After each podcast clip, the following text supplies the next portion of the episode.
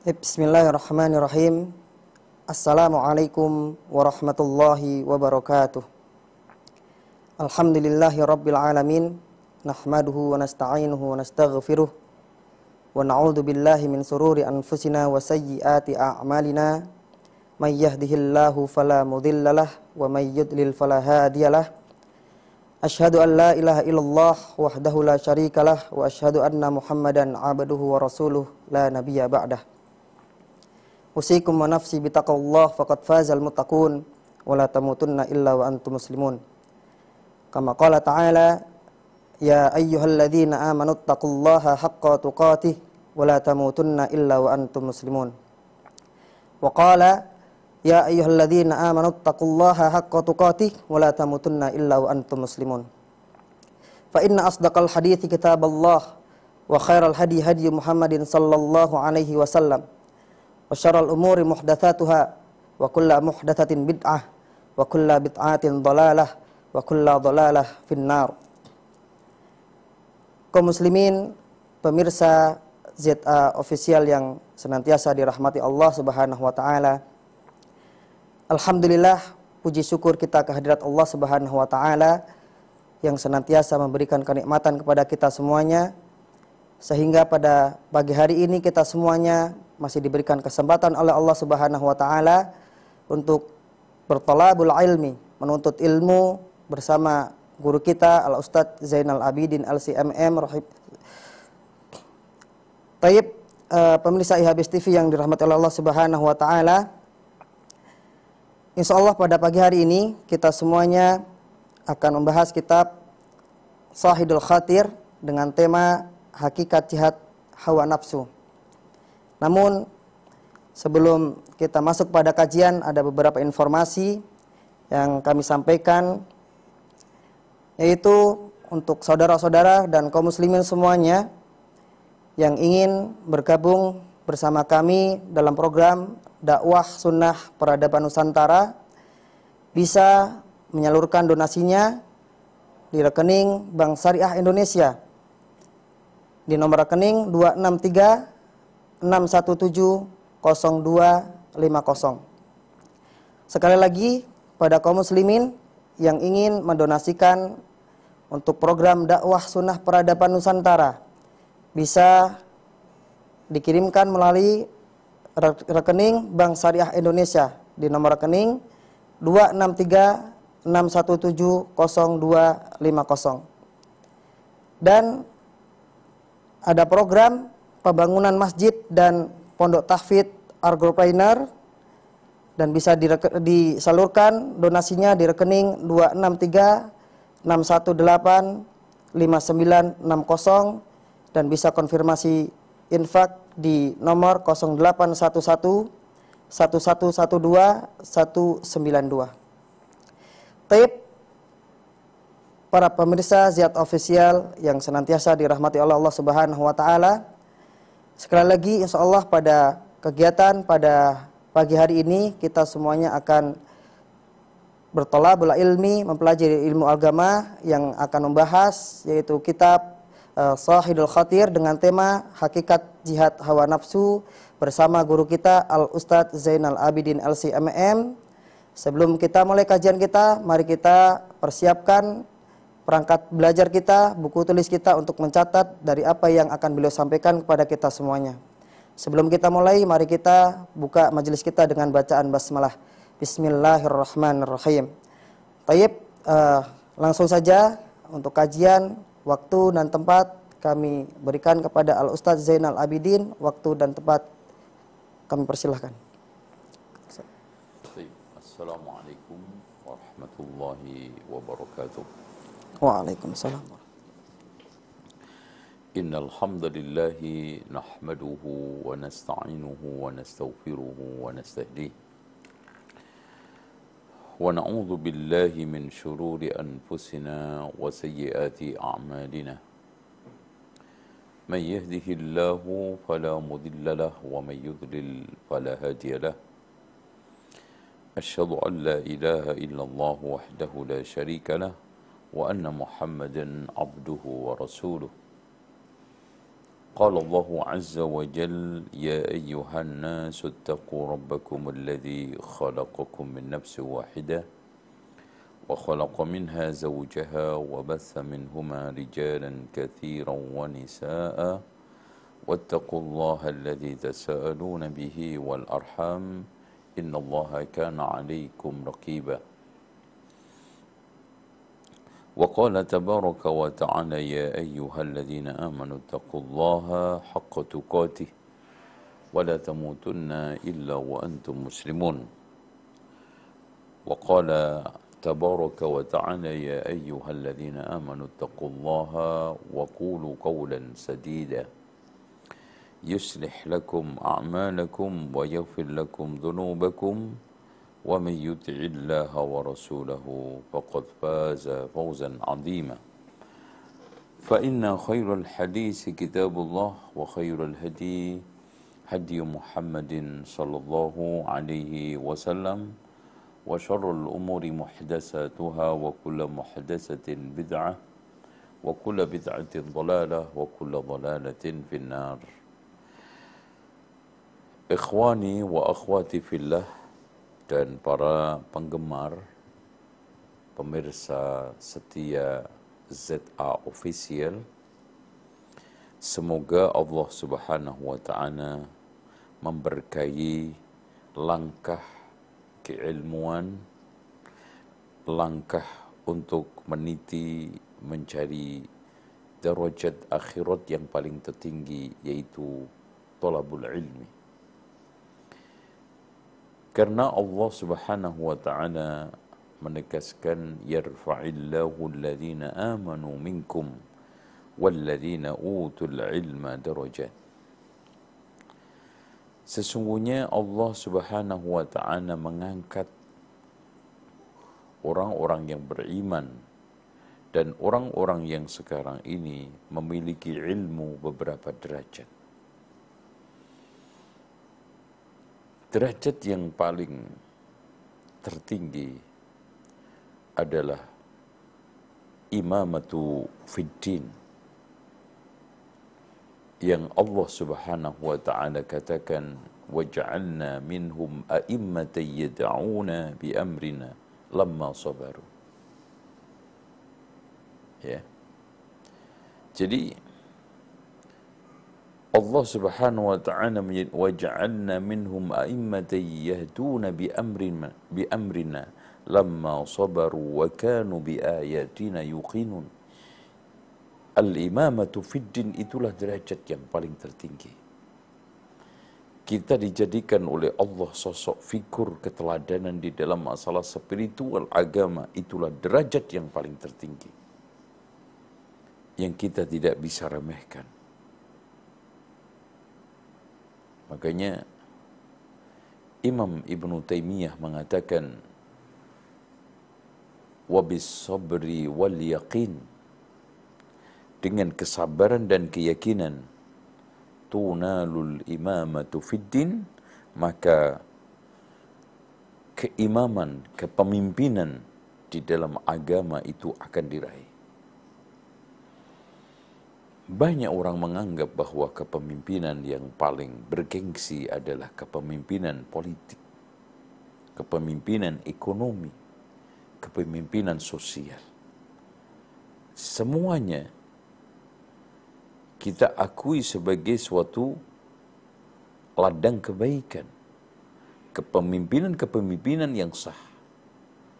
Tetapi yang paling tertinggi di antara semua kepemimpinan adalah waj'alna minhum ya waj'alna minhum a'immatan yahduna bi amrina. Lamma sabaru wa kanu bi ayatina yuqinun. Dan itu hanya dengan ilmu. Makanya Imam Ibnul Jauzi sendiri di dalam kitab Saidul Khatir ini menegaskan aslul usul ya al ilmu asas segala sesuatu asas adalah ilmu. Wa anfaul ulumi. Dan ilmu yang paling bermanfaat adalah an-nazar fi siyarir rasuli sallallahu alaihi wasallam wa ashabihi. Menghayati mencermati dengan baik perjalanan hidup Rasulullah perjalanan hidup para sahabat. Yang itulah Allah tekankan ulaika alladzina ulaika alladzina hadallah fabihudahu muqtadih. Surat Al-An'am ayat 90 mereka-mereka itulah orang-orang yang diberikan petunjuk oleh Allah maka dengan petunjuk mereka ikutilah kan gitu. Karena mereka sudah dijamin mengantongi jatah surga. Mereka yang sudah dijamin pasti benar. Mereka yang dijamin oleh Allah Subhanahu wa taala. Faulaika ma'al ladzina an'ama Allahu 'alaihim. Siapa orang yang telah diberikan nikmat oleh Allah faulaika ma'al ladzina an'ama Allahu 'alaihim minan nabiyyin was-siddiqin wasyuhada'i was-salihin Taib. Tema yang kita ingin angkat pada pagi insya Allah sampai menjelang siang adalah jihadun nafsi. Yang dikatakan oleh Imam Ibnul Jauzi, a'zamul jihad, jihad yang paling agung. Begitu juga oleh Imam Ibnu Qayyim Al-Jauzi. Ya, ini sama-sama Al-Jauzi. Yang satunya Ibnu Qayyim Al-Jauziyah Ad-Dimashqi dari Damaskus yang ini adalah Imam Ibnul Jauzi Al-Baghdadi dari Baghdad. Taib. Allah Subhanahu wa taala memberikan satu penegasan akan judul ini, ya. Walladzina jahadu fina lanahdiyannahum subulana. Ada ya. Jadi walladzina jahadu fina Kata Imam Ibn Qayyim Al-Jawziyah di dalam kitabnya Al-Fawaid Hidayah dan ketinggian serta bobotnya sangat ditentukan kebesaran bobotnya jihad seseorang. Makin sungguh, makin serius jihad seseorang, maka akan mendapatkan satu hidayah yang besar pula. Ini kan gitu. Walladzina jahadu fina lanahdiyannahum subulana.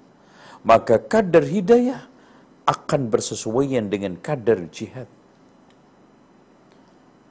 Kedalaman hidayah juga akan beririsan dengan kedalaman jihad kita. Yang dimaksudkan dalam ayat ini tidak lain adalah jihadun nafsi. Ya. Yang pertama jihadun nafsi kata beliau. Yang kedua jihadul hawa. Kemudian yang ketiga jihadul syaitan dan yang keempatnya adalah jihadul dunia. Semuanya akumulasinya adalah jihadun nafsi. Artinya bagaimana kita itu bisa mengendalikan nafsu kita, bisa mengarahkan nafsu kita, dan yang tidak kalah pentingnya kita memimpin nafsu kita bukan dipimpin. Kita mengendalikan nafsu kita bukan dikendalikan. Dengan tidak lain kecuali agama. Wa amma man khafa maqama rabbih wa nahan nafsa 'anil hawa fa innal jannata hiyal ma'wa. Nah kata beliau, ta'ammaltu jihadan nafsi. Saya renungkan dengan seksama dengan baik jihadun nafs. Ya.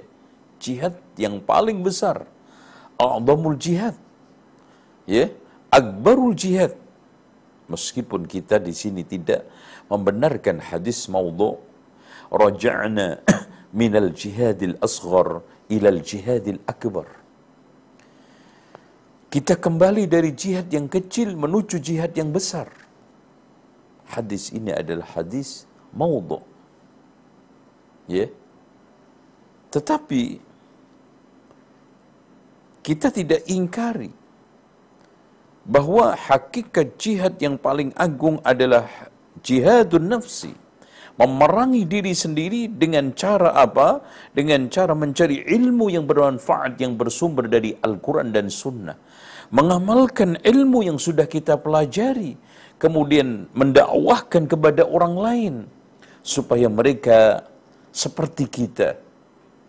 Karena seperti yang dikatakan oleh Imam Ahmad ketika ditanya, kenapa kita itu mencari ilmu? Simple kata Imam Ahmad untuk menghilangkan kebodohan diri kita dan kebodohan orang lain. Ya? Kebodohan diri kita. Udah. Jadi mencari ilmu itu bukan ingin menjadi ulama.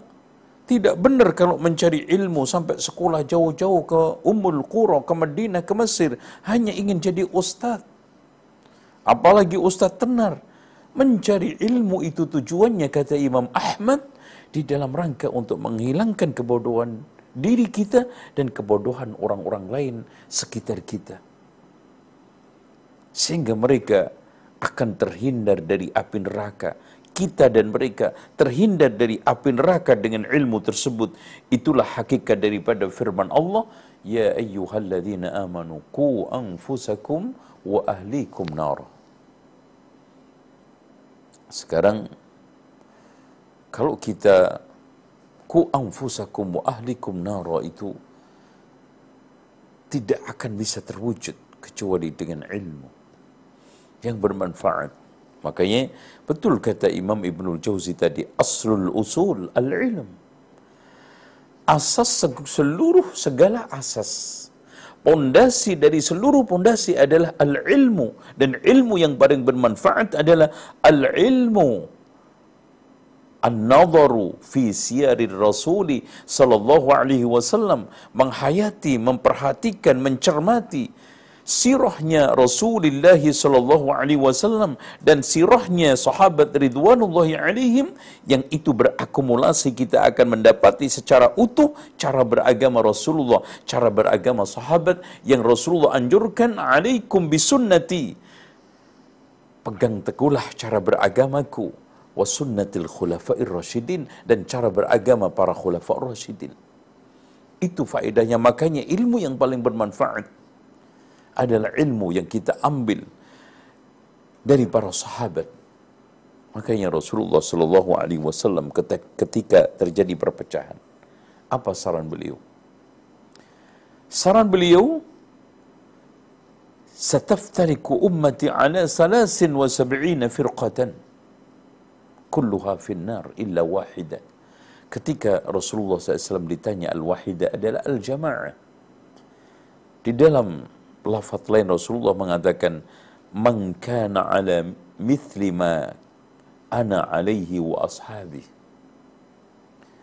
Siapa saja yang beragama seperti cara beragama yang saya tempuh, cara beragama yang ditempuh oleh sahabat. Nah, kembali lagi, alaikum bisunnati wa sunnatil khulafa'ir rasyidin. Dengan demikian kesimpulan Imam Ibnul Qayyim itu bukan kesimpulan ngawang. Bukan kesimpulan ngawur, tapi kesimpulan dari pendalaman Al-Quran dan Sunnah, sehingga dia simpulkan, wa anfa'ul ulum, ilmu yang paling bermanfaat adalah an-nazar, mencermati, menghayati, fi siarir Rasul sallallahu alaihi wasallam menghayati sirah Rasulullah SAW dan sirah para sahabat ridwanullahi alaihim sehingga dari situ kita akan tangkap layar-layar keagamaan mereka kita akan bisa menangkap sinyal-sinyal keagamaan utuh sesuai dengan Al-Quran dan Sunnah menurut pemahaman yang sahih yang benar yang dijamin oleh Allah. Nikmat ihdinas siratal mustaqim siratal ladzina an'amta alaihim. Tidak lain adalah Rasulullah bersama sahabat dan sahabat bersama tabi'in. Makanya Masya Allah Imam Abu Hamid Al-Ghazali di dalam kitabnya Iljamul Awam an Ilmil Kalam yang ditulis beberapa hari sebelum meninggal dunia. i'lam annal haqqas sarihah ketahuilah sesungguhnya kebenaran yang terang benderang sesungguhnya kebenaran yang sekarang ini kinclong adalah kebenaran madhabus salaf madhabus sahabati wa tabi'in. Yaitu madhab cara beragama yang ditempuh oleh sahabat dan juga tabi'in ridwanullahi alaihim.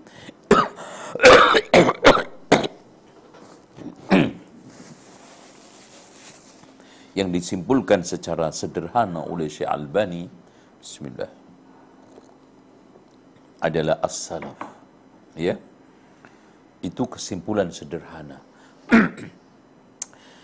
Kesimpulan yang gampang untuk dipahami gampang untuk dihafal gampang untuk diucapkan. Sejalan dengan satu kaidah khairul kalami ma qalla wa dal.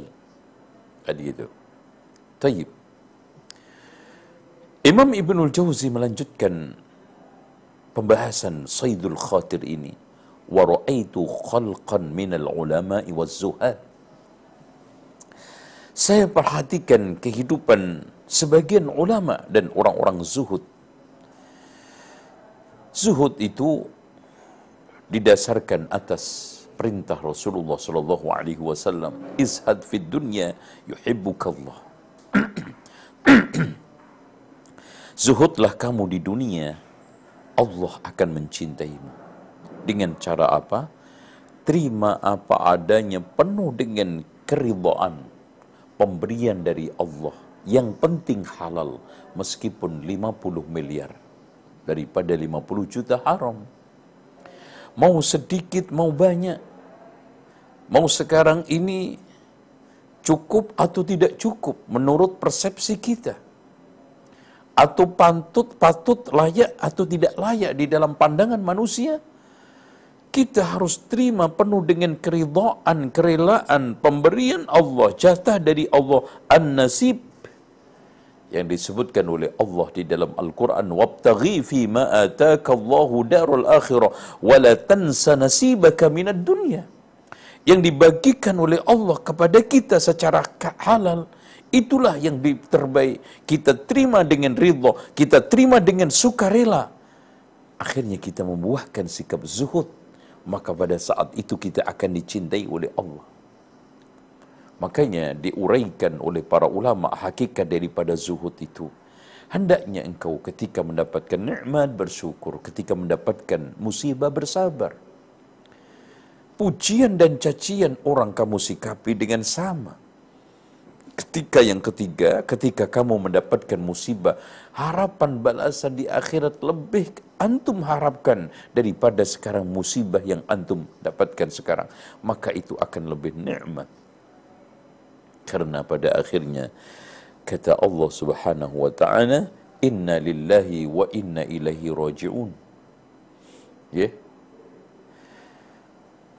Tayyib. Jadi wa ra'aitu khalqan minal ulama'i waz zuhad la yafhamuna ma'na. Saya mendapatkan banyak kata Ibnul Jauzi, sebagian bukan banyak. Khalqan sekelompok makhluk minal ulama'i waz zuhad la yafhamuna ma'na. Tidak memahami secara utuh makna zuhud. Akhirnya dia praktik prakteknya zuhud itu keliru-keliru, salah-salah. Akhirnya menyesatkan dirinya dan menyesatkan umat. Dan itu ciri khas bila tokoh agama dan tokoh masyarakat itu ini membuat satu kesesatan. Pasti isinya adalah fadallu wa adall, sesat dan menyesatkan. Sesat dirinya sendiri, menyesatkan orang lain. Banyak yang mengartikan, memaknai di antaranya yang paling banyak di anna fihi man mana'a khududaha 'ala al-itlaq. Menghindari dunia secara mutlak. Ya. Menyarankan kepada jamaahnya untuk hidup miskin. Dari mana semua itu dibenarkan? Sementara Allah Subhanahu wa taala mengatakan di dalam surat An-Nisa, yakhshal ladina law taraku min wal yakhshal ladina law taraku min khalfihim dhurriyatan khafu alaihim falyattaqullaha Masya Allah ya. jadi hendaknya kita itu bertakut kepada ini bertakwa kepada Allah Subhanahu wa taala. wal yattaqullaha itu kan gitu. Bahkan Imam Ibnu uh, ma maaf Imam Al-Baghawi menegaskan bahwa ayat ini wal yakhshal ladina law taraku min khalfihim dzurriyyatan di'afa Imam Al-Baghawi di dalam kitab Ma'alimut Tanzil tafsirnya terang-terang mengatakan anak cucu yang lemah di dalam bidang ekonomi.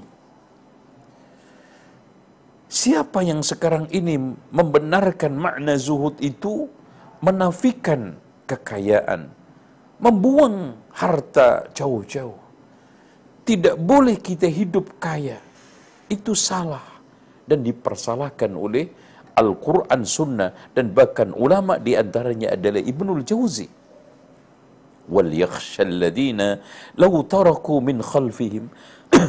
Hendaknya mereka-mereka yang beriman itu khawatir meninggalkan anak cucu itu lemah di dalam perekonomian mereka sehingga akan menjadi beban orang lain. Seperti yang Rasulullah tegaskan kepada Sa'ad ibnu Abi Waqqas ketika sakit keras. Beliau kaya raya.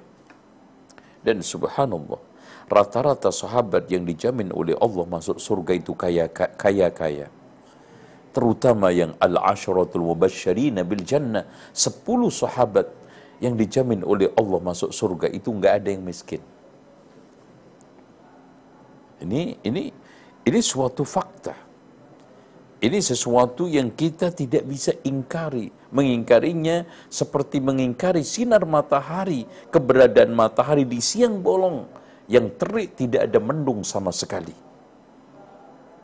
Jelas wal yakhsha alladhina law taraku min khalfihim dhurriyatan khafu alaihim dhurriyatan di'afan khafu alaihim falyattaqullaha wal yaqulu qawlan sadida. Jadi takwa dengan qawlan sadida. Bagaimana kesopanan di dalam berbahasa? Kesopanan di dalam tutur kata yang dipadukan oleh Allah dengan ketakwaan yang dikaitkan dengan anak cucu yang lemah. Coba itu bahas, pedar, bedah dengan baik di dalam khusus kajian tafsir. Kenapa Allah Subhanahu wa taala kaitkan ketakwaan yang diperpadukan dengan kaulan sadida, kesantunan di dalam berbahasa yang dikaitkan dengan anak cucu yang lemah? Tuh. Ini uh, Masya Allah ya, ternyata Bismillah. Peradaban kemanusiaan itu tidak bisa dibangun kecuali dengan dua itu. Subhanallah. Takwa dan kesantunan di dalam berbahasa. Melahirkan satu generasi yang kuat. Ya. Yeah. Di antara kaulan sadida adalah qaul mengucapkan sesuatu hal kaitannya dengan dunia yang tepat. Ni'mal malu salih lirrajuli salih. Suatu kebohongan belaka orang mengatakan tidak ada pujian sama sekali di dalam masalah urusan dunia. Bagaimana dengan hadis Rasulullah sallallahu alaihi wasallam yang dihasankan oleh sebagian para ulama ahli hadis. Ni'mal malu salih lirrajuli salih sebaik-baik harta adalah bagi di tangan milik orang soleh. Dengan harta seorang akan dimudahkan oleh Allah mencari ilmu. Dengan harta kita akan bersosialisasi dengan indah. Dengan harta kita akan bisa bersilaturahmi, bisa bisa silaturahmi dengan dengan mudah, dengan indah. Dengan harta kita bisa berdakwah, menjangkau ya sisi-sisi kehidupan yang menyeluruh. Karena pada akhirnya hampir semua ibadah itu selalu membutuhkan sarana keduniaan. Salat butuh sarung dan baju. Dan juga butuh masjid untuk kita salat agar kita eh, apa namanya menjalankan sholat dengan api. Haji dibutuhkan bekal. Zakat apalagi. Puasa kita dibutuhkan untuk buka dan juga sahur. Dan juga nanti kita bayar zakat. Apalagi mendidik anak. Rasulullah Shallallahu Alaihi Wasallam katakan, "A'zamu dinarin ajron dinarun yunfiquhu rajul ala ilai ala iyalih."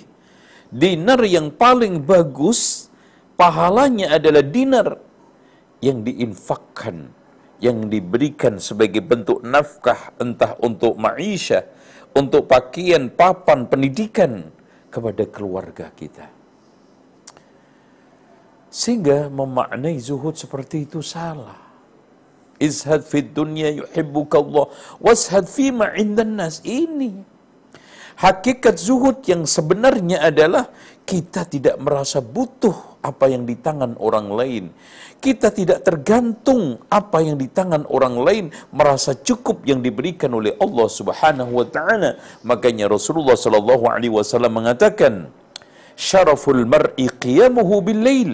Kemuliaan seseorang itu ada di qiyamul lailnya wa izzuhu istighna'uhu 'anil nas dan izzah hidup dia, wibawa dia dan juga kalau kita bisa katakan aji dalam kehidupan dia itu adalah tidak merasa bergantung, tidak merasa butuh, tidak merasa tertekan. Kebutuhan-kebutuhan hidup itu disuplai dari orang lain. Apa artinya? Karena kita cukup karena kita mandiri. Karena kita memiliki aset-aset ekonomi yang bisa menutupi hajat kebutuhan kita. Bukan hanya sekedar sikap. Kita rela miskin, nggak butuh sama orang-orang kaya, akhirnya sombong, nggak mau menerima zakat. Akhirnya dia akhirnya eh, dalam kondisi iri sana iri sini, dengki sana dengki sini. Ini juga nggak benar. Gitu ya yang benar adalah tambatkan unta itu kemudian tawakal kepada Allah. Usaha kelola itu sawah dengan baik. Kemudian tawakal kepada Allah Subhanahu wa taala. Kelola pasar itu dengan baik, habis itu tawakal kepada Allah.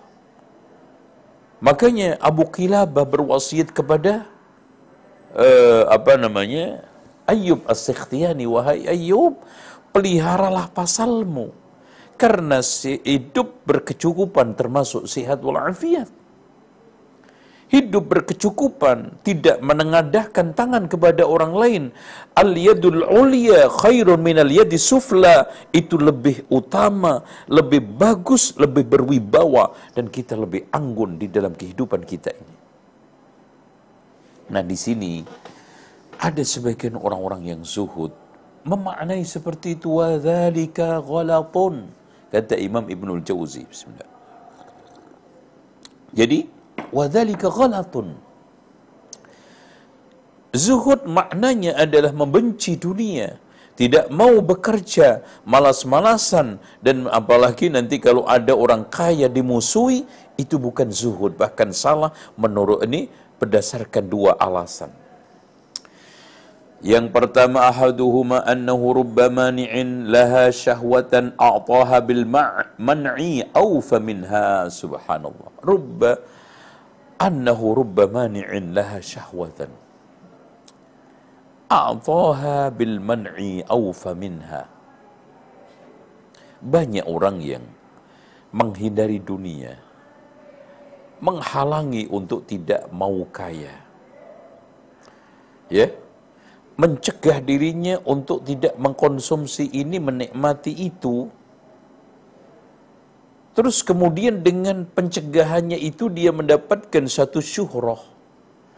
Yang itu lebih berbahaya daripada dia itu menikmati syahwat ini, memenuhi kebutuhan syahwatnya. Ya, contoh, Masya Allah dia terkenal puasa Daud. Pujian itu sampai kepada telinga dia lalu dia ada unsur ujub. Maka yang terjadi apa? Puasa Daud dia bisa lenyap, bahkan dia tidak puasa itu lebih baik daripada puasa yang dia dalam keadaan ujub bangga dengan pujian dan juga sanjungan orang kanan kirinya. Ada orang yang terkenal, Masya Allah, dia itu pakaiannya sederhana banget. Nggak neko-neko. Kemudian akhirnya pujian itu memuaskan dirinya, menyenangkan dirinya, tanpa dia memiliki satu keistimewaan di tengah jamaahnya. Pakaiannya sederhana, tidak mau pakai pakaian yang style, yang bagus, yang gentle. Untuk menghindari supaya tidak terjatuh ke dalam sikap berlebihan. Tidak terjatuh kepada hubbud dunia. Tidak terjatuh kepada mengikuti hawa nafsu. Ternyata dia akhirnya terjatuh ke dalam sesuatu yang lebih besar, lebih bahaya daripada mengikuti hawa nafsu tersebut. Apa? Syuhrah. Menikmati pujian dan sanjungan jamaah. Bahwa dia dikatakan masya Allah pakaiannya sederhana. Dia tidak neko-neko. Ya? Dan dananya pun apa adanya subhanallah syaitan itu lembut rayuan syaitan itu sangat-sangat rapi halus lembut makanya waspadalah مثل أن يمنعها مباحا فيشتهر بمنعه إياها ذلك ya seperti orang menghalangi sesuatu dari yang mubah umpamanya dia kalau ke masjid tidak pernah mau pakai sepeda motor kendaraan bahkan memilih jalan kaki padahal boleh-boleh saja walaupun jalan kaki itu ada keutamaannya atau kita Eh, kita berikan satu contoh yang uh, real ya. Ya. Masya Allah, dia orang kaya raya, punya kendaraan Anda. Tetapi dia meyakini bahwa menikmati ini itu merupakan suatu perkara yang bertentangan dengan kezuhudan. Akhirnya dia dikenal dengan sesuatu ciri-ciri tertentu, yaitu apa? Pakaiannya sederhana, sandalnya Masya Allah belinya cuma di pasar. Harganya eh, seperti harga apa namanya orang orang kampungan. Akhirnya dia bangga dengan pencitra, pencitraannya, dia senang dengan pujiannya, maka itu lebih menghancurkan keagamaannya, spiritualitas dia daripada dia menikmati kekayaan yang ada di sekitar dia. Makanya hati-hati. Akhirnya annahu qad fadala au fadala man siwa mimman lam ya'na lam yamna'ha dhalika. Sehingga dia tampak memiliki keutamaan dari pesaing-pesaingnya, dari selevelnya, dari teman sejawatnya, dari para kiai dai ulamanya. Karena dia dikenal Masya Allah pakaiannya paling sederhana di antara para ulama, di antara para ustadz, Masya Allah, makannya aja dia itu mau di warteg. Masya Allah, sekarang makannya itu cuma tahu tempe. Dia ingin dikenal di antara yang ada itu paling zuhud, paling sederhana.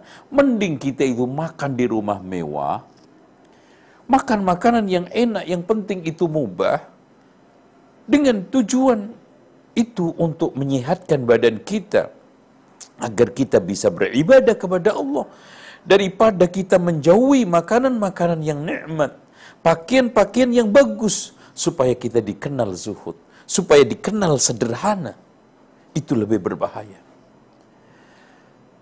Karena itulah yang dikatakan oleh Syaddad ibnu Aus, akhwafu ma akhafu alaikum minasyahwatil khafiyah. Sesuatu yang paling aku takutkan kepada kalian atas kalian adalah syahwat yang paling yang tersembunyi. Yaitu ketika ditanya apa? Kata beliau hubbur riasa cinta popularitas. Dan ini masya Allah ya Bismillah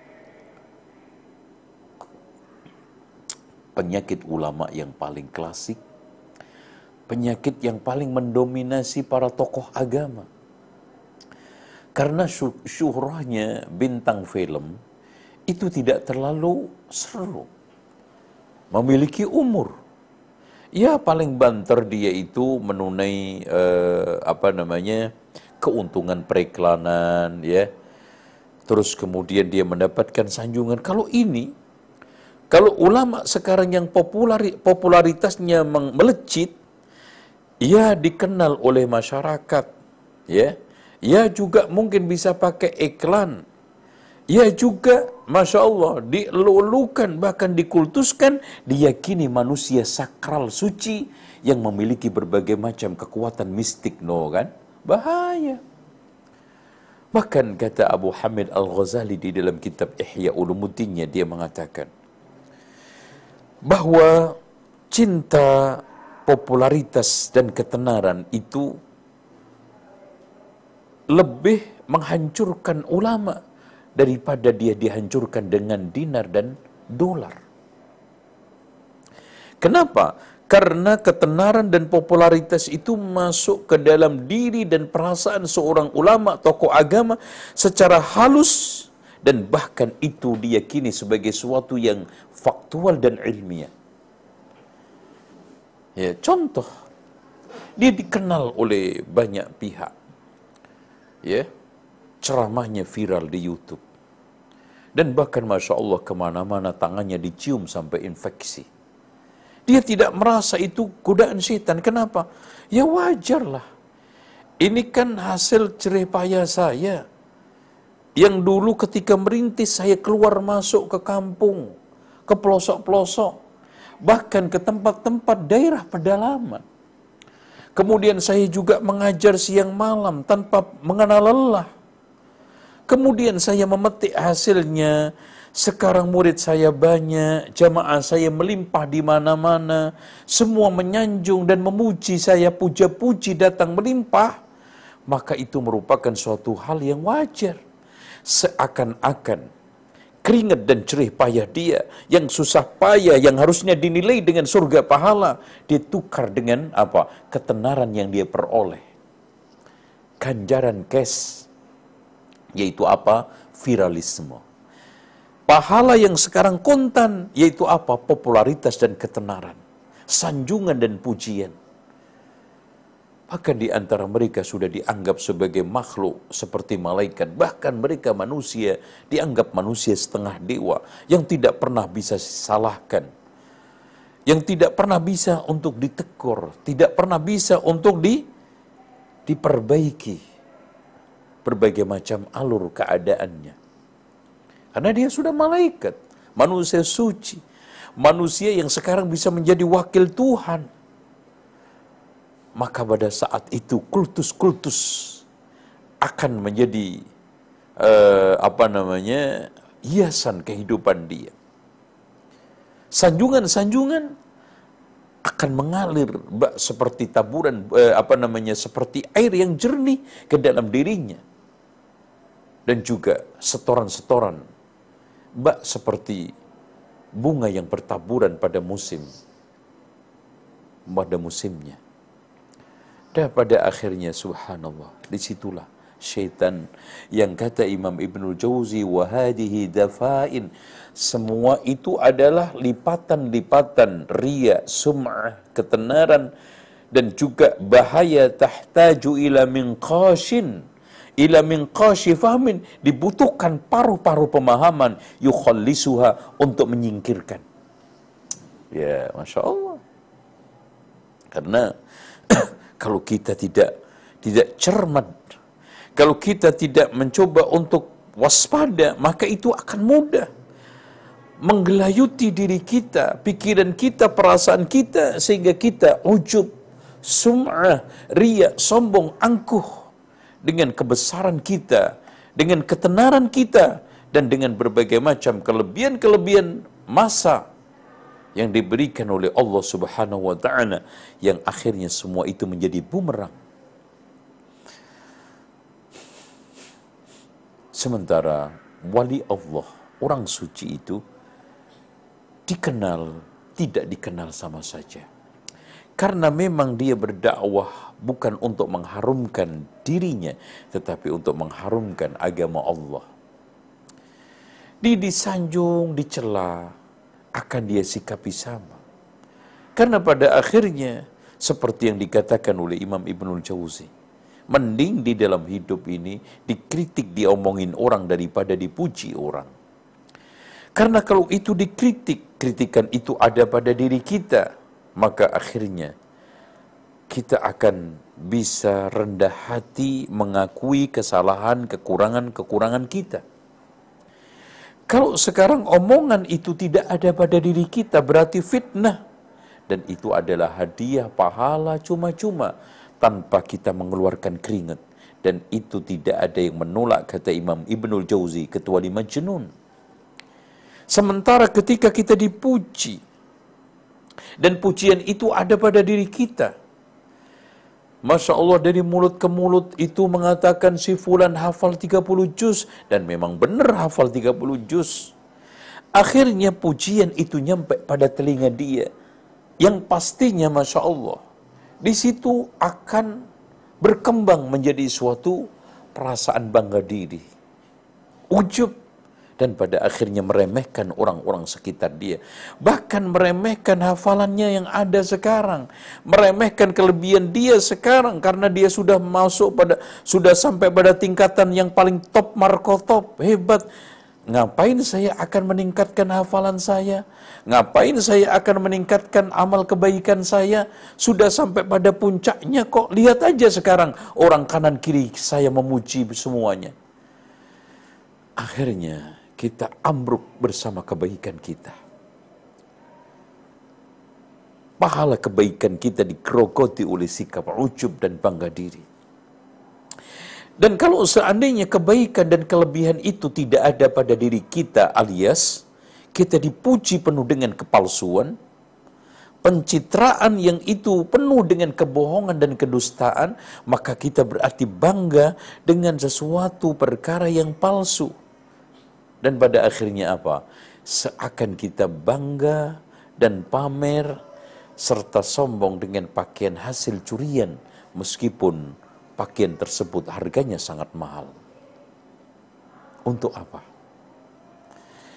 Itulah orang-orang suci, itulah wali Allah, itulah orang soleh. Wal wajhu thani, alasan yang kedua, annana qad kullifna bihifdhaha. Sesungguhnya kita itu diperintahkan oleh Allah menjaga keduniaan kita. Wa min asbab hifdhiha mailuha ila al-asya'i allati tuqimuha. Dan di antara cara kita itu merawat dunia ini, harta ini adalah adanya kecondongan untuk menegakkan, memelihara, menjaga secara baik supaya tidak hancur. Dagangan kita perlu apa namanya kelola, kita harus eh, apa namanya urusi dengan baik. Kita punya pondok, punya sekolahan, kita harus kelola dengan baik kita punya bisnis, punya dagangan, harus kita kelola dengan baik. Punya peternakan, perkebunan, juga pertanian, kita harus kelola dengan baik. Itu suatu hal yang alami.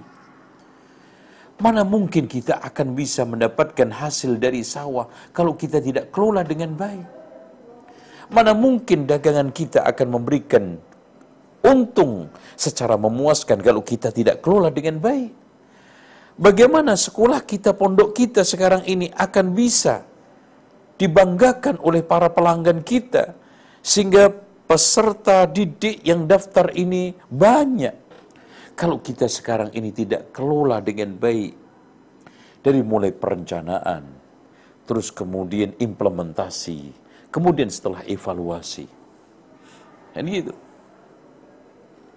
Fala budda min i'ta'iha ma yuqimuha, ma yuqimuha. Wajib kita harus berikan satu uh, apa namanya kebutuhan-kebutuhan uh, yang memang itu diperlukan demi tegaknya sekolahan yang kita kelola, dagangan yang kita jalankan, bisnis yang kita sekarang ini adakan. Enggak mungkin enggak. Contoh saja sekarang kita bertani mau tidak mau seorang ber, seorang petani itu harus satu menyiapkan tanahnya dengan cara bajak sawah. Kalau sekarang mungkin pakai bulldozer. Kemudian setelah itu kita semai benihnya supaya tidak diserang e, hama, kita obati. supaya sekarang tumbuh dengan baik, kita siangi itu apa? Rumput-rumputnya. Bagaimana? Semua itu kita tidak lakukan, kita menginginkan satu hasil yang maksimal, maka kata Imam Ibnul Jauzi, "Fala budda min i'ta'iha ma yuqimuha." Wajib kita harus memberikan sesuatu hal yang bisa menegakkan bisnis kita, menegakkan pertanian kita, menegakkan sekolah kita, yaitu apa? Pengelolaan secara maksimal, secara efektif dan efisien. Wa aktsaru dzalika au kulluha mimma tashtahi. Dan semua itu dibutuhkan suatu apa namanya dorongan-dorongan ya yaitu syahwat makanya syahwat itu bukan dianjurkan untuk dihilangkan ikhwan hawa nafsu itu bukan dianjurkan untuk kita enyahkan kita nafikan tetapi kita kendalikan kita atur sehingga tetap kita di dalam hidup ini supaya kita makan dengan lahapnya butuh nafsu. Supaya kita semangat menikah juga butuh nafsu. Supaya kita itu bekerja mendapatkan hasil yang maksimal butuh nafsu. Kan gitu. Baik. Summa uh, semua kita lanjut ya. Wa nahnu kal fi hifdhiya. Kita itu broker ya bagi dunia ini li'annaha laysat lana karena dunia ini bukan milik kita bal hiya wadi'atun indana bahkan dunia ini adalah titipan yang dititipkan kepada kita. Fayamna'uha huquqaha 'alal itlaq khatarun jadi menghalangi secara totalitas tidak mau mengurusi dunia tidak mau mendapatkan dunia, tidak mau menikmati dunia adalah bahaya yang sangat besar. Summa rubba syaddin aujaba istirqa'ah. Berapa banyak satu cara-cara yang tegas, yang keras, shock terapi itu bisa menyembuhkan. Warubba mudayyikin ada nafsi farrat minhu. Berapa banyak sekarang ini sesuatu yang sekarang ini sangat dicondongi, sangat disenangi, sangat diinginkan oleh seseorang, ternyata itu adalah pergi darinya. Fasauba alihi talafiha, tapi sulit untuk dihilangkan, sulit untuk melenyapkan kecanduannya. Wa innamal jihadulah, itulah hakikat daripada jihad. Kajihadil maridil akil, seperti jihadnya orang yang sakit yang berakal yahmiluha ala makruhiha. Dia mau melakukan berbagai macam hal-hal yang tidak dia senanginya. Seperti dia olahraga terapi bagi orang yang kena stroke. Minum pil pahit bagi orang yang sekarang ini kena penyakit. Mungkin uh, kolesterolnya tinggi jantungnya sudah mulai koroner ya. Di dalam rangka untuk kesembuhan dirinya. Meskipun menjalani berbagai macam terapi itu berat, minum obat itu pahit, dan menjalankan berbagai macam saran-saran dokter itu begah. Ya, sangat tidak menyenangkan, tetapi ternyata di dalam hal-hal yang tidak menyenangkan itu, di dalam hal-hal yang pahit itu terdapat berbagai macam obat dan kesembuhan. Makanya khufatil jannatu bil makari. Surga itu kebanyakan dikelilingi dengan sesuatu yang tidak menyenangkan. Wa yudawwibul fil mararati qalilan minal halawah. Kita sejenak menghindari berbagai macam berbagai macam makanan yang lezat, minuman yang manis di dalam rangka untuk kesembuhan yang abadi. Itulah kita di dalam proses menahan ini, menahan itu, sabar ini, sabar itu, di dalam rangka untuk mendapatkan kelezatan dan manisnya surga dan kelezatan akhirat yang abadi nanti. Dengan demikian, marilah kita bersabar dan agak sedikit betah untuk menahan pahitnya qiyamul lail. Ketirnya puasa Senin Kemis atau bahkan Daud. Ya, Dan juga sekarang ini betapa beratnya kita duduk di majelis ilmu. Menahan berbagai macam perihnya kita mengulurkan tangan untuk sodakoh, untuk infak, bahkan mengeluarkan zakat. Yang godaan setan itu kita itu supaya bakhil. Dan bakhil itu rata-rata menjatuhkan ke dalam kemiskinan yang tidak mendapatkan pahala, kata Imam Ibn Qayyim. Karena bisikan setan itu akan muncul, enak aja, gue yang kerja, gue yang susah, ono yang enak, padahal pengemis itu rata-rata pemalas. Orang-orang miskin itu rata-rata pemalas. Saya kan kerja keras, saya kan banting tulang, saya kan peras keringat. Sungguh sangat enak dia sekarang menerima hasil keringat saya. Akhirnya dia menahan harta yang harus diberikan kepada orang-orang miskin maka kita ulurkan tangan kita. Meskipun agak berat untuk mengulurkan demi suatu kenikmatan abadi nanti di akhirat. Kita ayunkan langkah-langkah kita ke masjid untuk sholatul jamaah. Meskipun berat, apalagi di kegelapan malam. Di dalam rangka untuk menempatkan cerahnya dan terang benderangnya alam kubur dan alam akhirat kita. Dan kita rasakan, tahan pahitnya qiyamul lail. Pahitnya kita menghafalkan Al-Quran, menghafalkan sunnah Rasulullah, terutama perihnya memegang sunnah Rasulullah Sallallahu Alaihi Wasallam di dalam rangka kenikmatan abadi kita di akhirat nanti. Allahu Akbar, Allahu Akbar. Dengan demikian, uh, apa namanya, ويتناول من الأغذية مقدار ما يصف الطبيب Coba lihat Pak, bayangkan orang yang sekarang ini terkena gula. Bahkan sudah sampai pada penyakitnya cuci darah. Dia dengan penuh sukarela dan ikhlas makan sesuai dengan takaran yang diarahkan oleh dokter. Minum sesuai dengan takaran yang disarankan oleh dokter ya. Bahkan seluruh aktivitas kita penuh dengan aturan-aturan ketat. Kenapa? Untuk kemaslahatan akhirat kita. Yang tidak ada bandingnya hanya sekedar kita itu hidup sehat.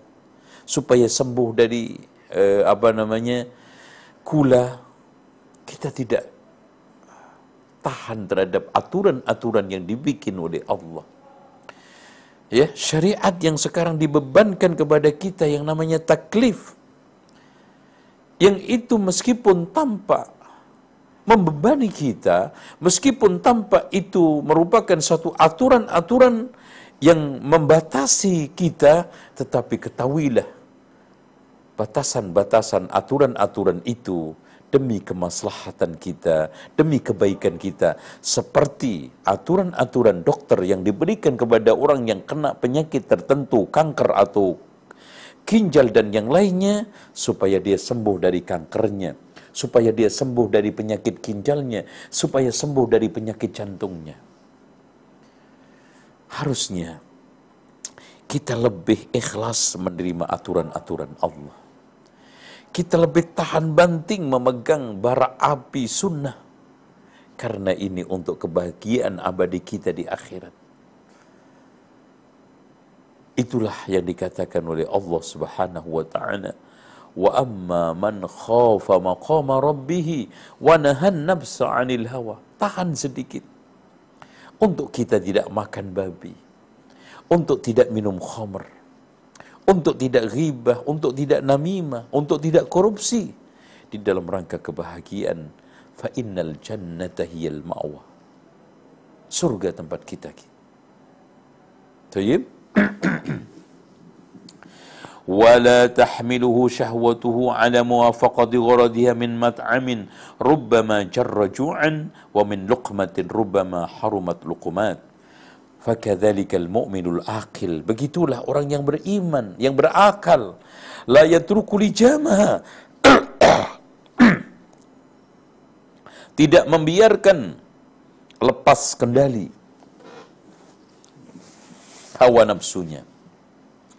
Wala yuhmilu makudaha dan tidak membiarkan untuk tidak menyetir hawa nafsunya bal yurkhi laha fi waqtin wattiwali biyadi bahkan dia biarkan fama damat alal jadah selagi dia dalam keadaan serius lam yudayyiqha fi tadyiq 'alaiha fa idza ra'aha ma qad malat raddaha bil lutf subhanallah betul Pak kata Imam Ibnu Jauzi fa idza ra'aha qad malat raddaha bil lutfi wa in wanat wa abad bil unfi wa yahsibuha fi maqamil mudarati. Jadi ikhwah sekalian ketika sekarang kita itu terbiasa mengendalikan nafsu kita terlatih memimpin mengendalikan syahwat hawa nafsu kita maka kita akan juga dengan mudah ketika hawa nafsu itu ngelonjak, hawa nafsu itu membara, akan bisa mengendalikan. Mengembalikan kepada masar, yaitu kepada relnya dengan lemah lembut. Kalau memang agak sedikit dia itu membangkang wabil unfi agak sedikit tegas dan kita bisa basa-basi juga tergantung kondisinya kasawjati seperti istri allati mabna aqliha ala dha'fi wal qillati ya rata-rata istri itu akalnya itu lemah bukan dalam konteks kita itu merendahkan wal qillati sedikit. Artinya terlalu didominasi oleh perasaan. Kurang baik di dalam menggunakan akal sehatnya. Fayyatudara inda nusyusia sehingga seorang istri eh seorang suami yang bijak dia mampu berbahasa basi dan bernegosiasi serta berdiplomasi saat dia itu membangkang dengan wa'ad yaitu nasihat yang lembut. Wa fa illam tasluh kalau juga tidak mempan wabil haj fabil hajri dengan cara kita diamkan fa illam tastaqim tapi kalau tetap juga tidak lurus wabid dharbi dipukul tapi ghairu mubarrih tidak melukainya walisa fi siyati ta'dib ajwad min sawti azmin. Masya Allah. Jadi tidak ada sesuatu penanaman adab pengarahan adab kepada siapa pun terutama kepada istri yang lebih bagus ketimbang kita itu bersikap tegas. Tegas itulah yang akan bisa membimbing istri kita ke arah kebaikan Tegas itulah yang akan bisa mengendalikan rumah tangga kita berada di dalam ridha Allah.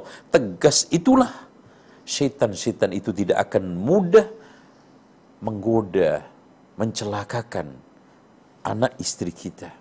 Dan dengan kita tegas, maka ya ayyuhalladzina amanu ku anfusakum wa ahlikum nara akan terjaga dengan api misinya di dalam rumah tangga kita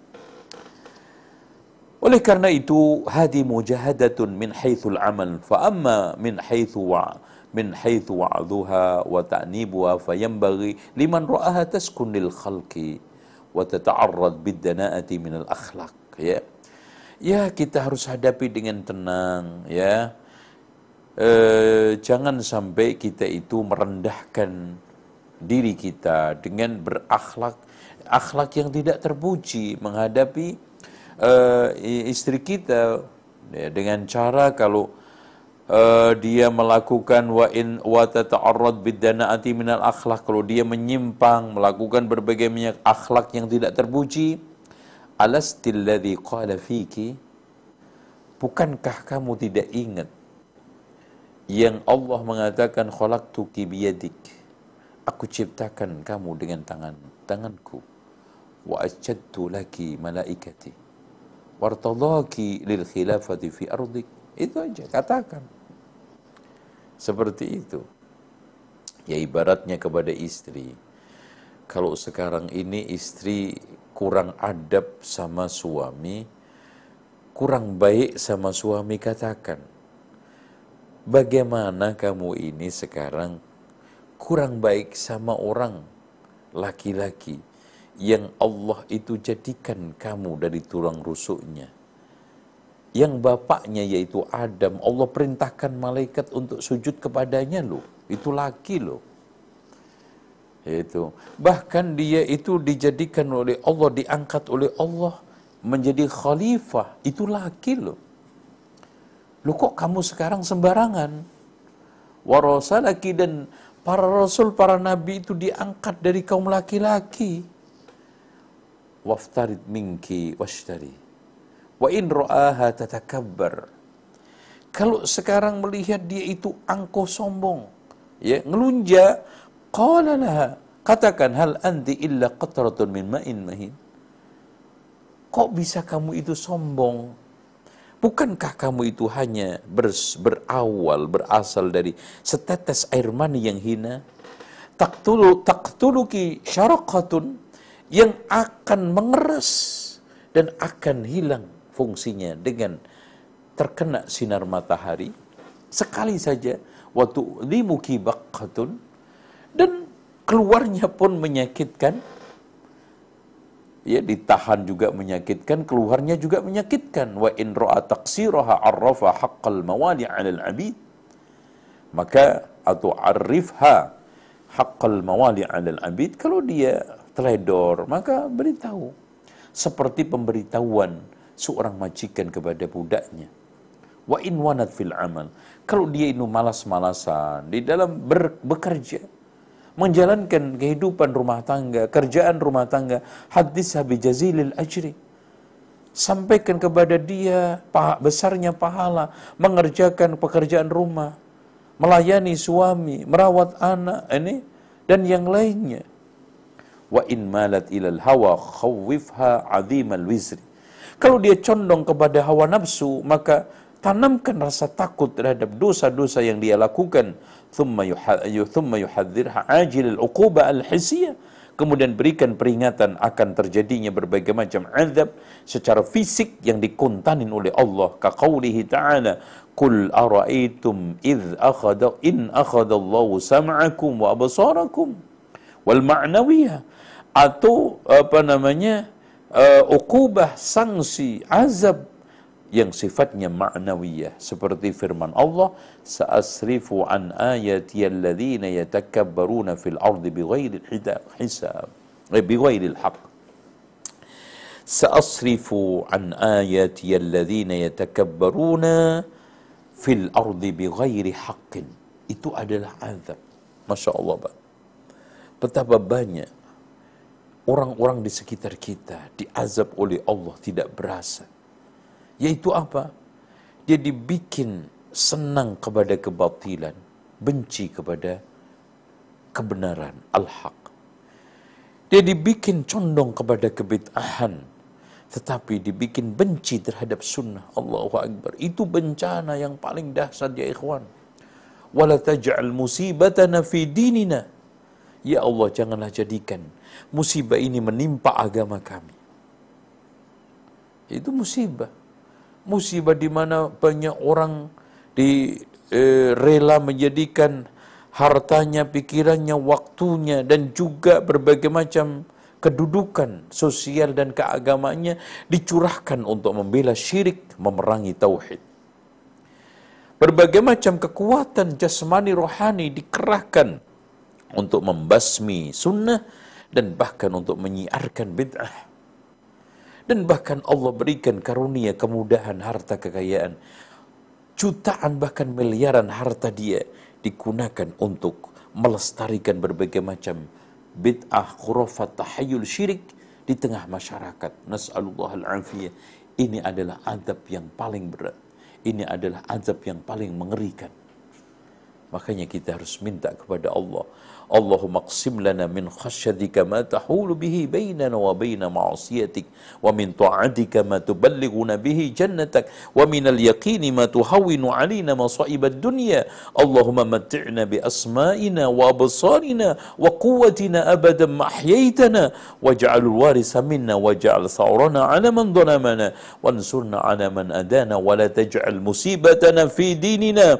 ولا تجعل الدنيا أكبر همنا ولا مبلغ علمنا ولا تسلط علينا ما لا يرحمنا إن شاء الله saya kira itu cukup dan insya Allah ada beberapa menit kita berikan kesempatan kepada para pemirsa tercinta, para pendengar mungkin yang mengikuti lewat radio dan juga uh, lewat streaming. Silakan.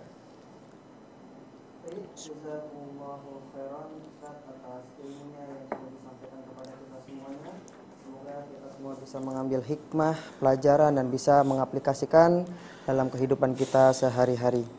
Baik para pemirsa ZA Official di mana pun berada, kami membuka layanan interaktif untuk bertanya jawab. Silahkan bisa menghubungi di layanan 0811 8033 389 atau ada di layar Anda masing-masing. Namun sebelum uh, masuk ke dalam pertanyaan, kami menginformasikan kepada kaum muslimin semuanya di mana pun Anda berada, bagi yang ingin bergabung di program dakwah sunnah peradaban Nusantara, bisa mengirimkan donasinya di rekening Bank Syariah Indonesia di nomor 263 617 0250. Sekali lagi kepada kaum muslimin yang ingin bergabung kepada kami di dalam program dakwah sunnah peradaban Nusantara bisa kirimkan donasinya di rekening Bank Syariah Indonesia di nomor rekening 26361700250. Baik, silahkan kaum muslimin yang ingin bertanya kepada Al Ustadz terkait tentang kegiatan kajian pada pagi hari ini, silahkan dan ini ada beberapa pertanyaan yang sudah masuk kepada kami. Uh, kami bacakan Ustadz. Bismillah, Assalamualaikum warahmatullahi wabarakatuh Ustaz. Ana Rian dari Jambi. Afan Ustaz, Ana mau bertanya tentang pekerjaan. Sebelumnya usia Ana 29 tahun, sudah berkeluarga dan Alhamdulillah sudah dikaruniai seorang anak laki-laki usia 6 bulan Masya Allah. Semoga Allah Ta'ala membalas, memberikan taufik dan hidayahnya untuk kita semua. Begini Ustadz, Ana bekerja di salah satu TV berita Kurang lebih selama 4 tahun Bidang Ana sebagai operator dan teknisi support. Keraguan Ana adalah di mana terkadang TV itu menayangkan musik dan terkadang presenter beritanya tidak full dalam hal menutup aurat. Uh, cukupkah uh, cukupkah Ana berlepas diri da dari kemadorotan itu Ustadz dan bolehkah jika Ana tetap bekerja di situ?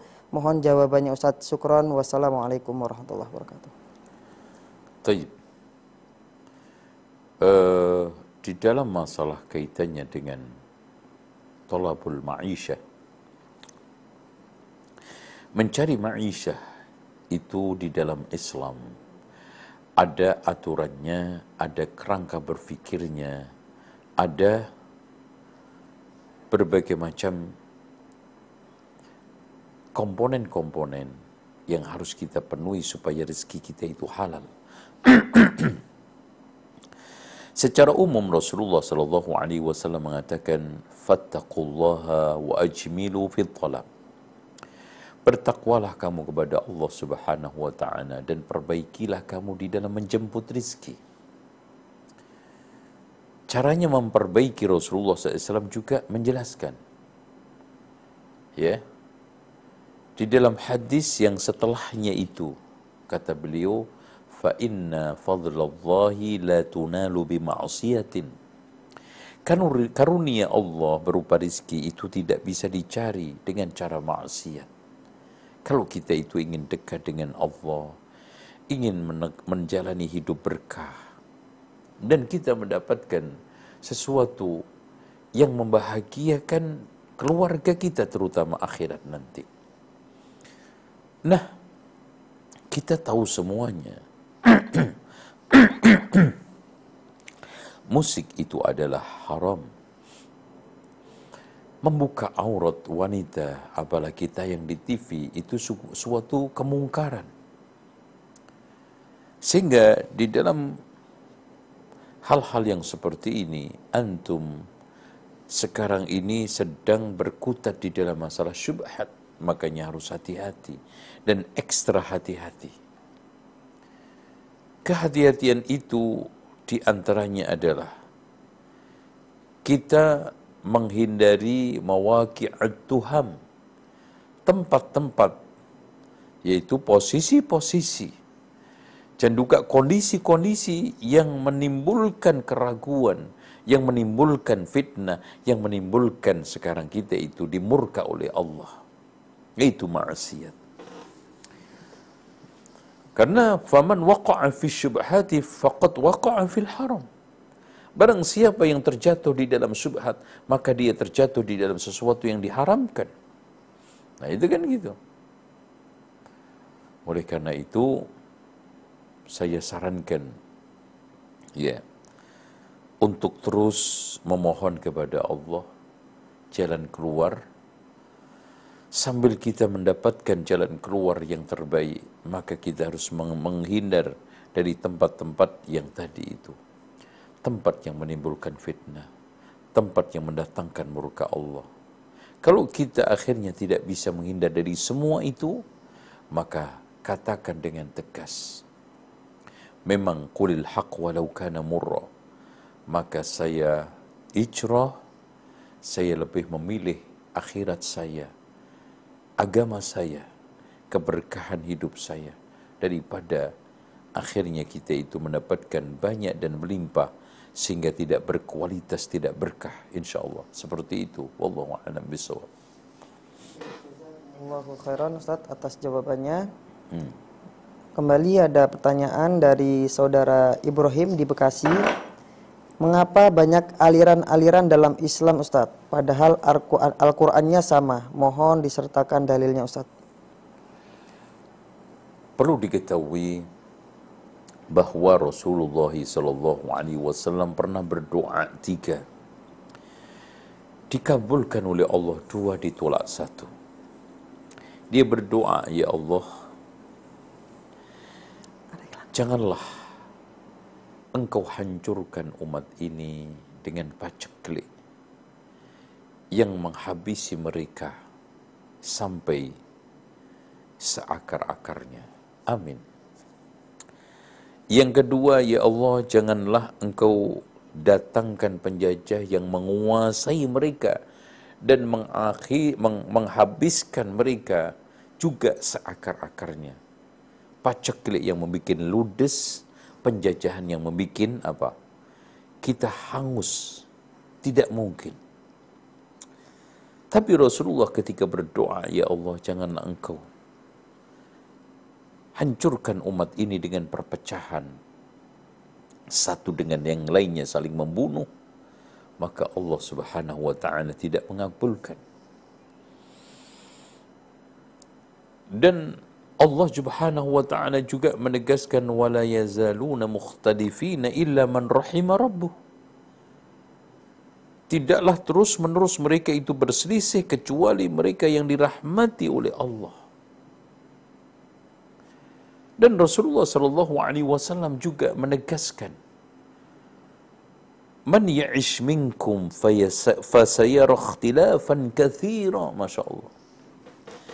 Jadi siapa yang nanti masih hidup setelahku akan mendapatkan satu perpecahan yang sangat banyak.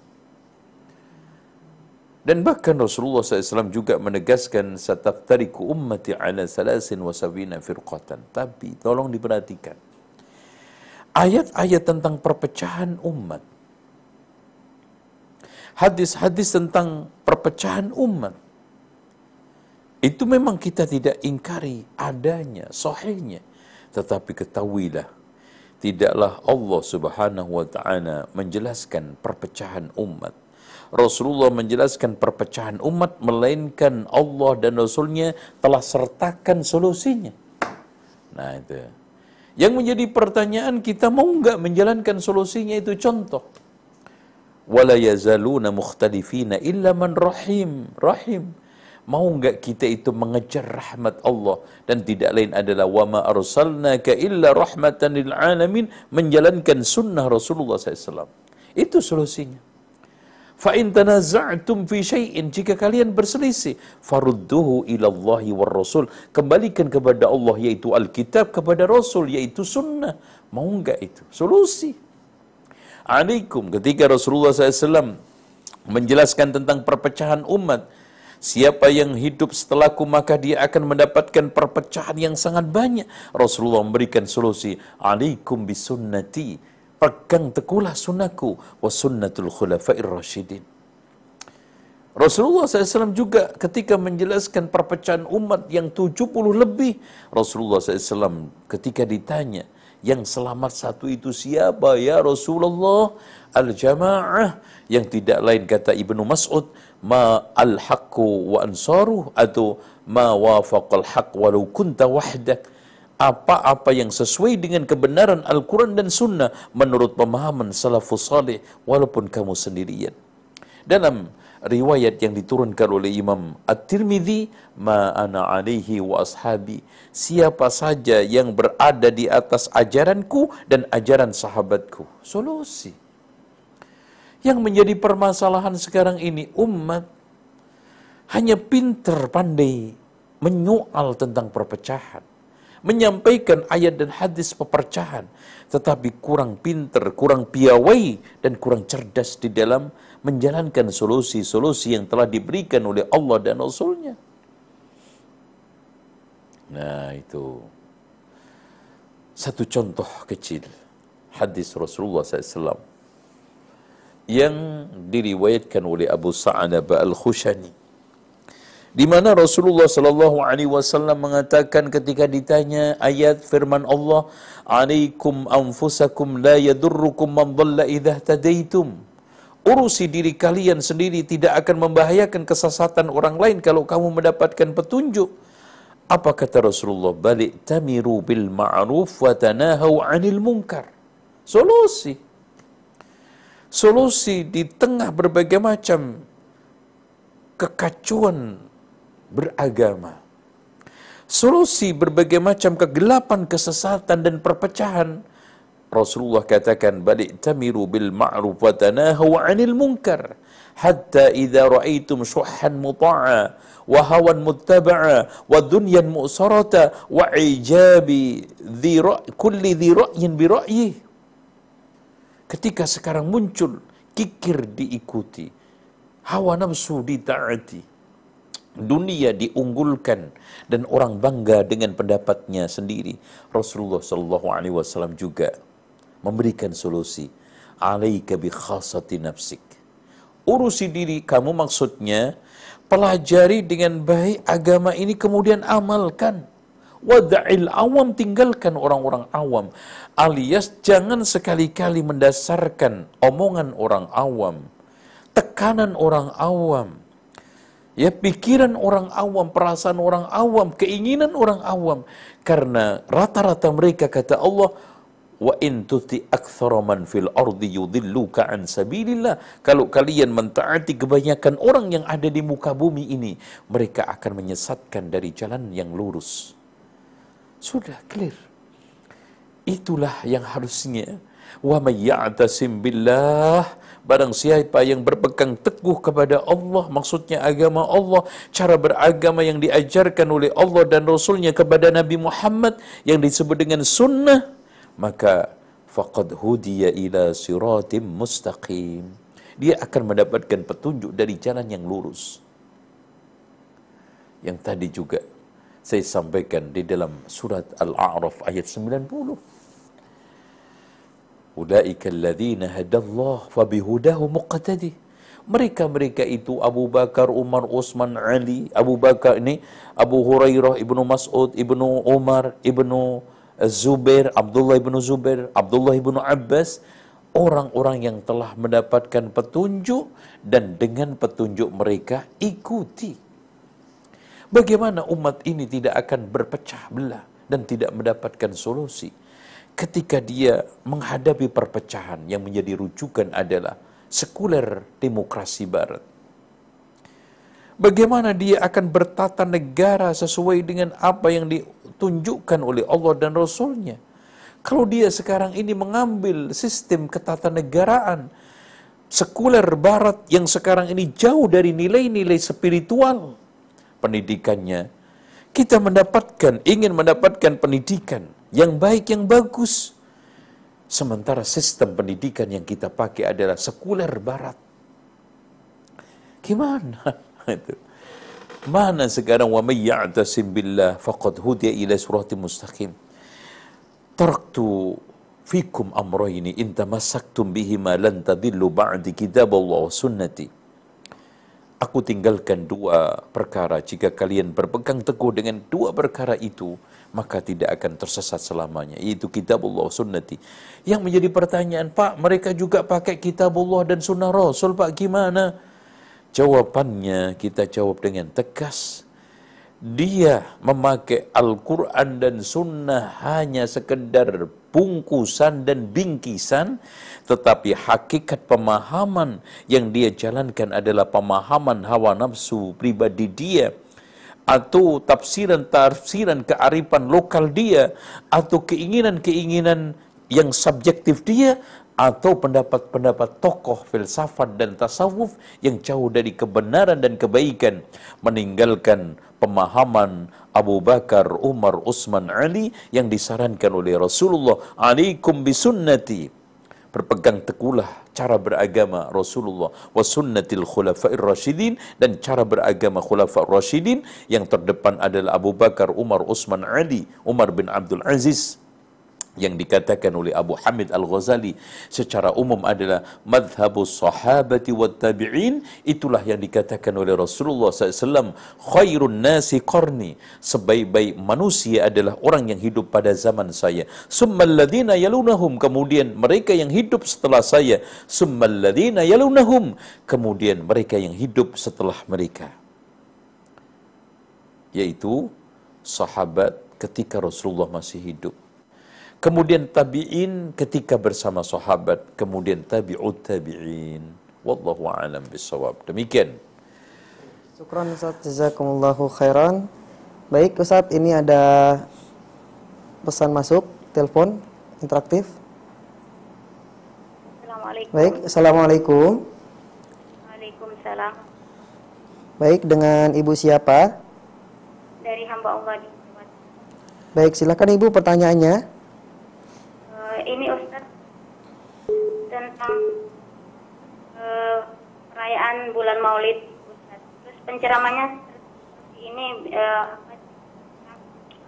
berkata seperti ini. Kita sama Rasul itu di apa tuh disamakan dengan di dengan batu begitu. Ustaz. Kalau kita ini sebagai batu koral, tapi kalau Rasulullah itu kayak batu mutiara atau permata begitu. Apa itu pantas seorang rasul yang mulia samakan dengan batu begitu Ustaz? Disamakan ah, sedangkan dengan batu, Rasulullah begitu, ya? itu di, disempurnakan oleh Allah, eh, manusia disempurnakan oleh Allah begitu. Coba diulangi lagi omongannya orang Ya. tadi.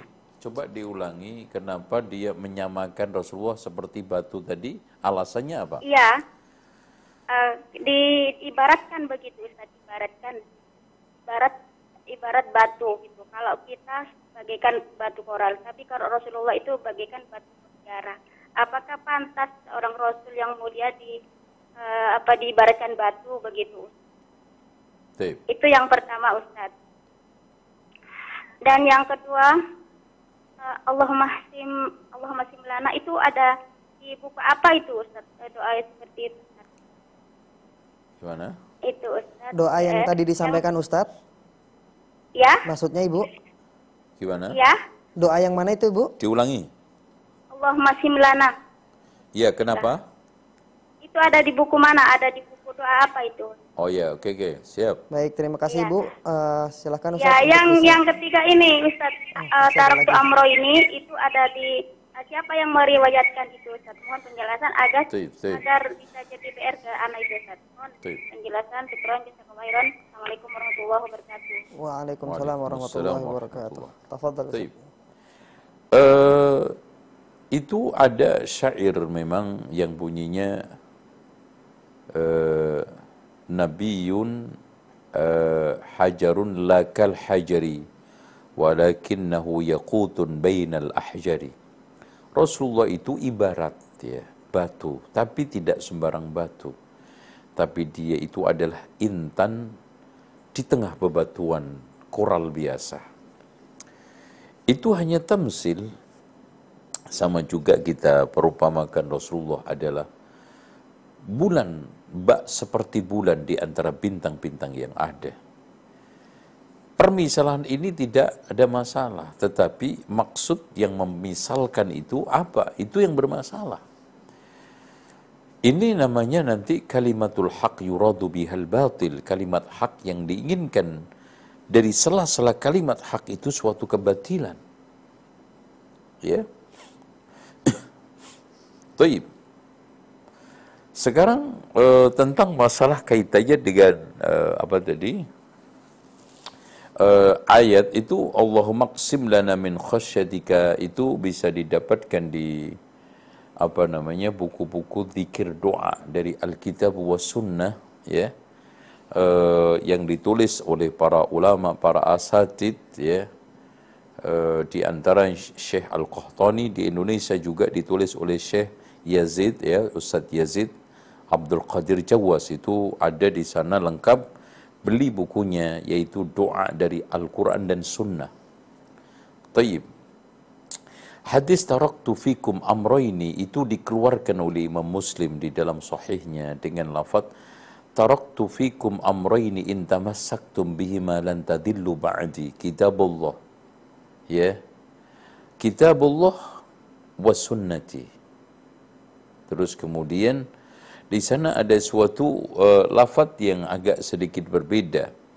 Terus kemudian di dalam uh, apa namanya uh, hadis juga diriwayatkan oleh Imam Abu Dawud dan yang lainnya. Intinya hadis ini adalah sahih dan hadis ini menjadi suatu dalil bahwa siapa yang berpegang teguh dengan hadis ini Allah Subhanahu wa taala akan berikan keselamatan insyaallah.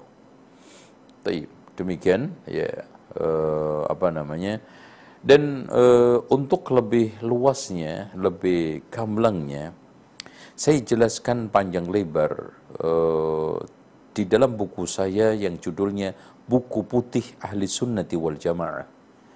Ya. Yeah. Uh, apa namanya? penjelasan tentang uh, apa namanya? hadis-hadis tersebut, sanatnya dan juga um, apa takhrijnya. Wallahu a'lam bishawab. Alhamdulillah kita sudah di ujung waktu. Untuk Al Ustadz silahkan bisa menyampaikan kesimpulan dari kajian yang sudah disampaikan pada pagi hari ini. Baik. Alhamdulillah di kita sampai di ujung acara kajian ini. Mudah-mudahan pembahasan kita tentang masalah jihadun nafs yang dikatakan oleh para ulama adalah akbarul jihad, a'zamul jihad. Kita bisa mengamalkan. Intinya, walladzina jahadu fina lanahdiyannahum subulana. Artinya jihad sangat menentukan dan menjadi pintu hidayah. Bahkan siapa yang jihadnya lebih besar, maka hidayahnya makin besar. Dan jihad, kenapa dikatakan jihadun nafs itu a'zam? Karena siapa yang belum bisa mengalahkan nafsunya, keinginan-keinginan jahatnya dia akan tidak akan bisa mengalahkan musuh-musuh luar dia. Kalau dia tidak bisa menaklukkan musuh dalam mereka, maka dia tidak akan bisa mengalahkan musuh luar mereka. Bagaimana dia akan bisa menang berperang melawan orang-orang kafir, munafik, kalau dia sendiri kalah dengan dirinya sendiri, kalah dengan nafsunya, kalah dengan syahwatnya. Itu. Dan jihadun nafs ini memerangi diri untuk belajar ilmu agama yang bermanfaat, yang bersumber dari Al-Quran dan Sunnah. Kemudian keduanya mengamalkan dengan maksimal apa yang sudah dipelajari. Dan yang ketiga mendakwahkan kepada orang lain. Dan yang keempatnya adalah bersabar. Inilah maksud dari firman Allah wal asri innal insana lafi khusr illa alladhina amanu wa amilu salihati wa tawasaw bil haqq wa tawasaw bis sabr dan jihad an-nafsu ini akan juga menuntut kita untuk jihadul hawa jihadul nafas, jihadul syaitan dan jihadul dunia karena ini saling terkait Nafsu kita bisa membara dan menggelora karena dibisiki oleh setan. Dan nafsu kita itu bisa lumer, bahkan cair karena dunia. Dibutuhkan jihad dunia. godaan syaitan dibutuhkan jihadus syaitan. Nafsu kita yang harus kita kendalikan itu butuh jihadun nafs. Hawa nafsu yang kecondongannya itu untuk menyesatkan kita kepada jalan yang bengkok maka dibutuhkan jihadul hawa. Makanya betul kata Imam Ibnu Qayyim dalam kitabnya Al-Fawaid bahwa walladzina jahadu fina lanahdiyannahum subulana puncak daripada jihad adalah jihadun nafs yang meliputi jihadun nafsi, jihadul hawa, jihadul dunya dan jihadul syaitan. والله أعلم بالصواب أقول قولي هذا وأستغفر الله لي ولكم واستغفر الله العظيم إن الله هو الغفور الرحيم والسلام عليكم ورحمة الله وبركاته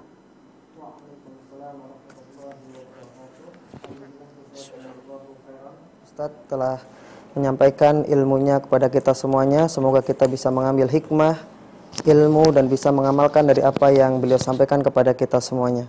Baik eh, para pemirsa sekalian ZA Official di mana pun Anda berada.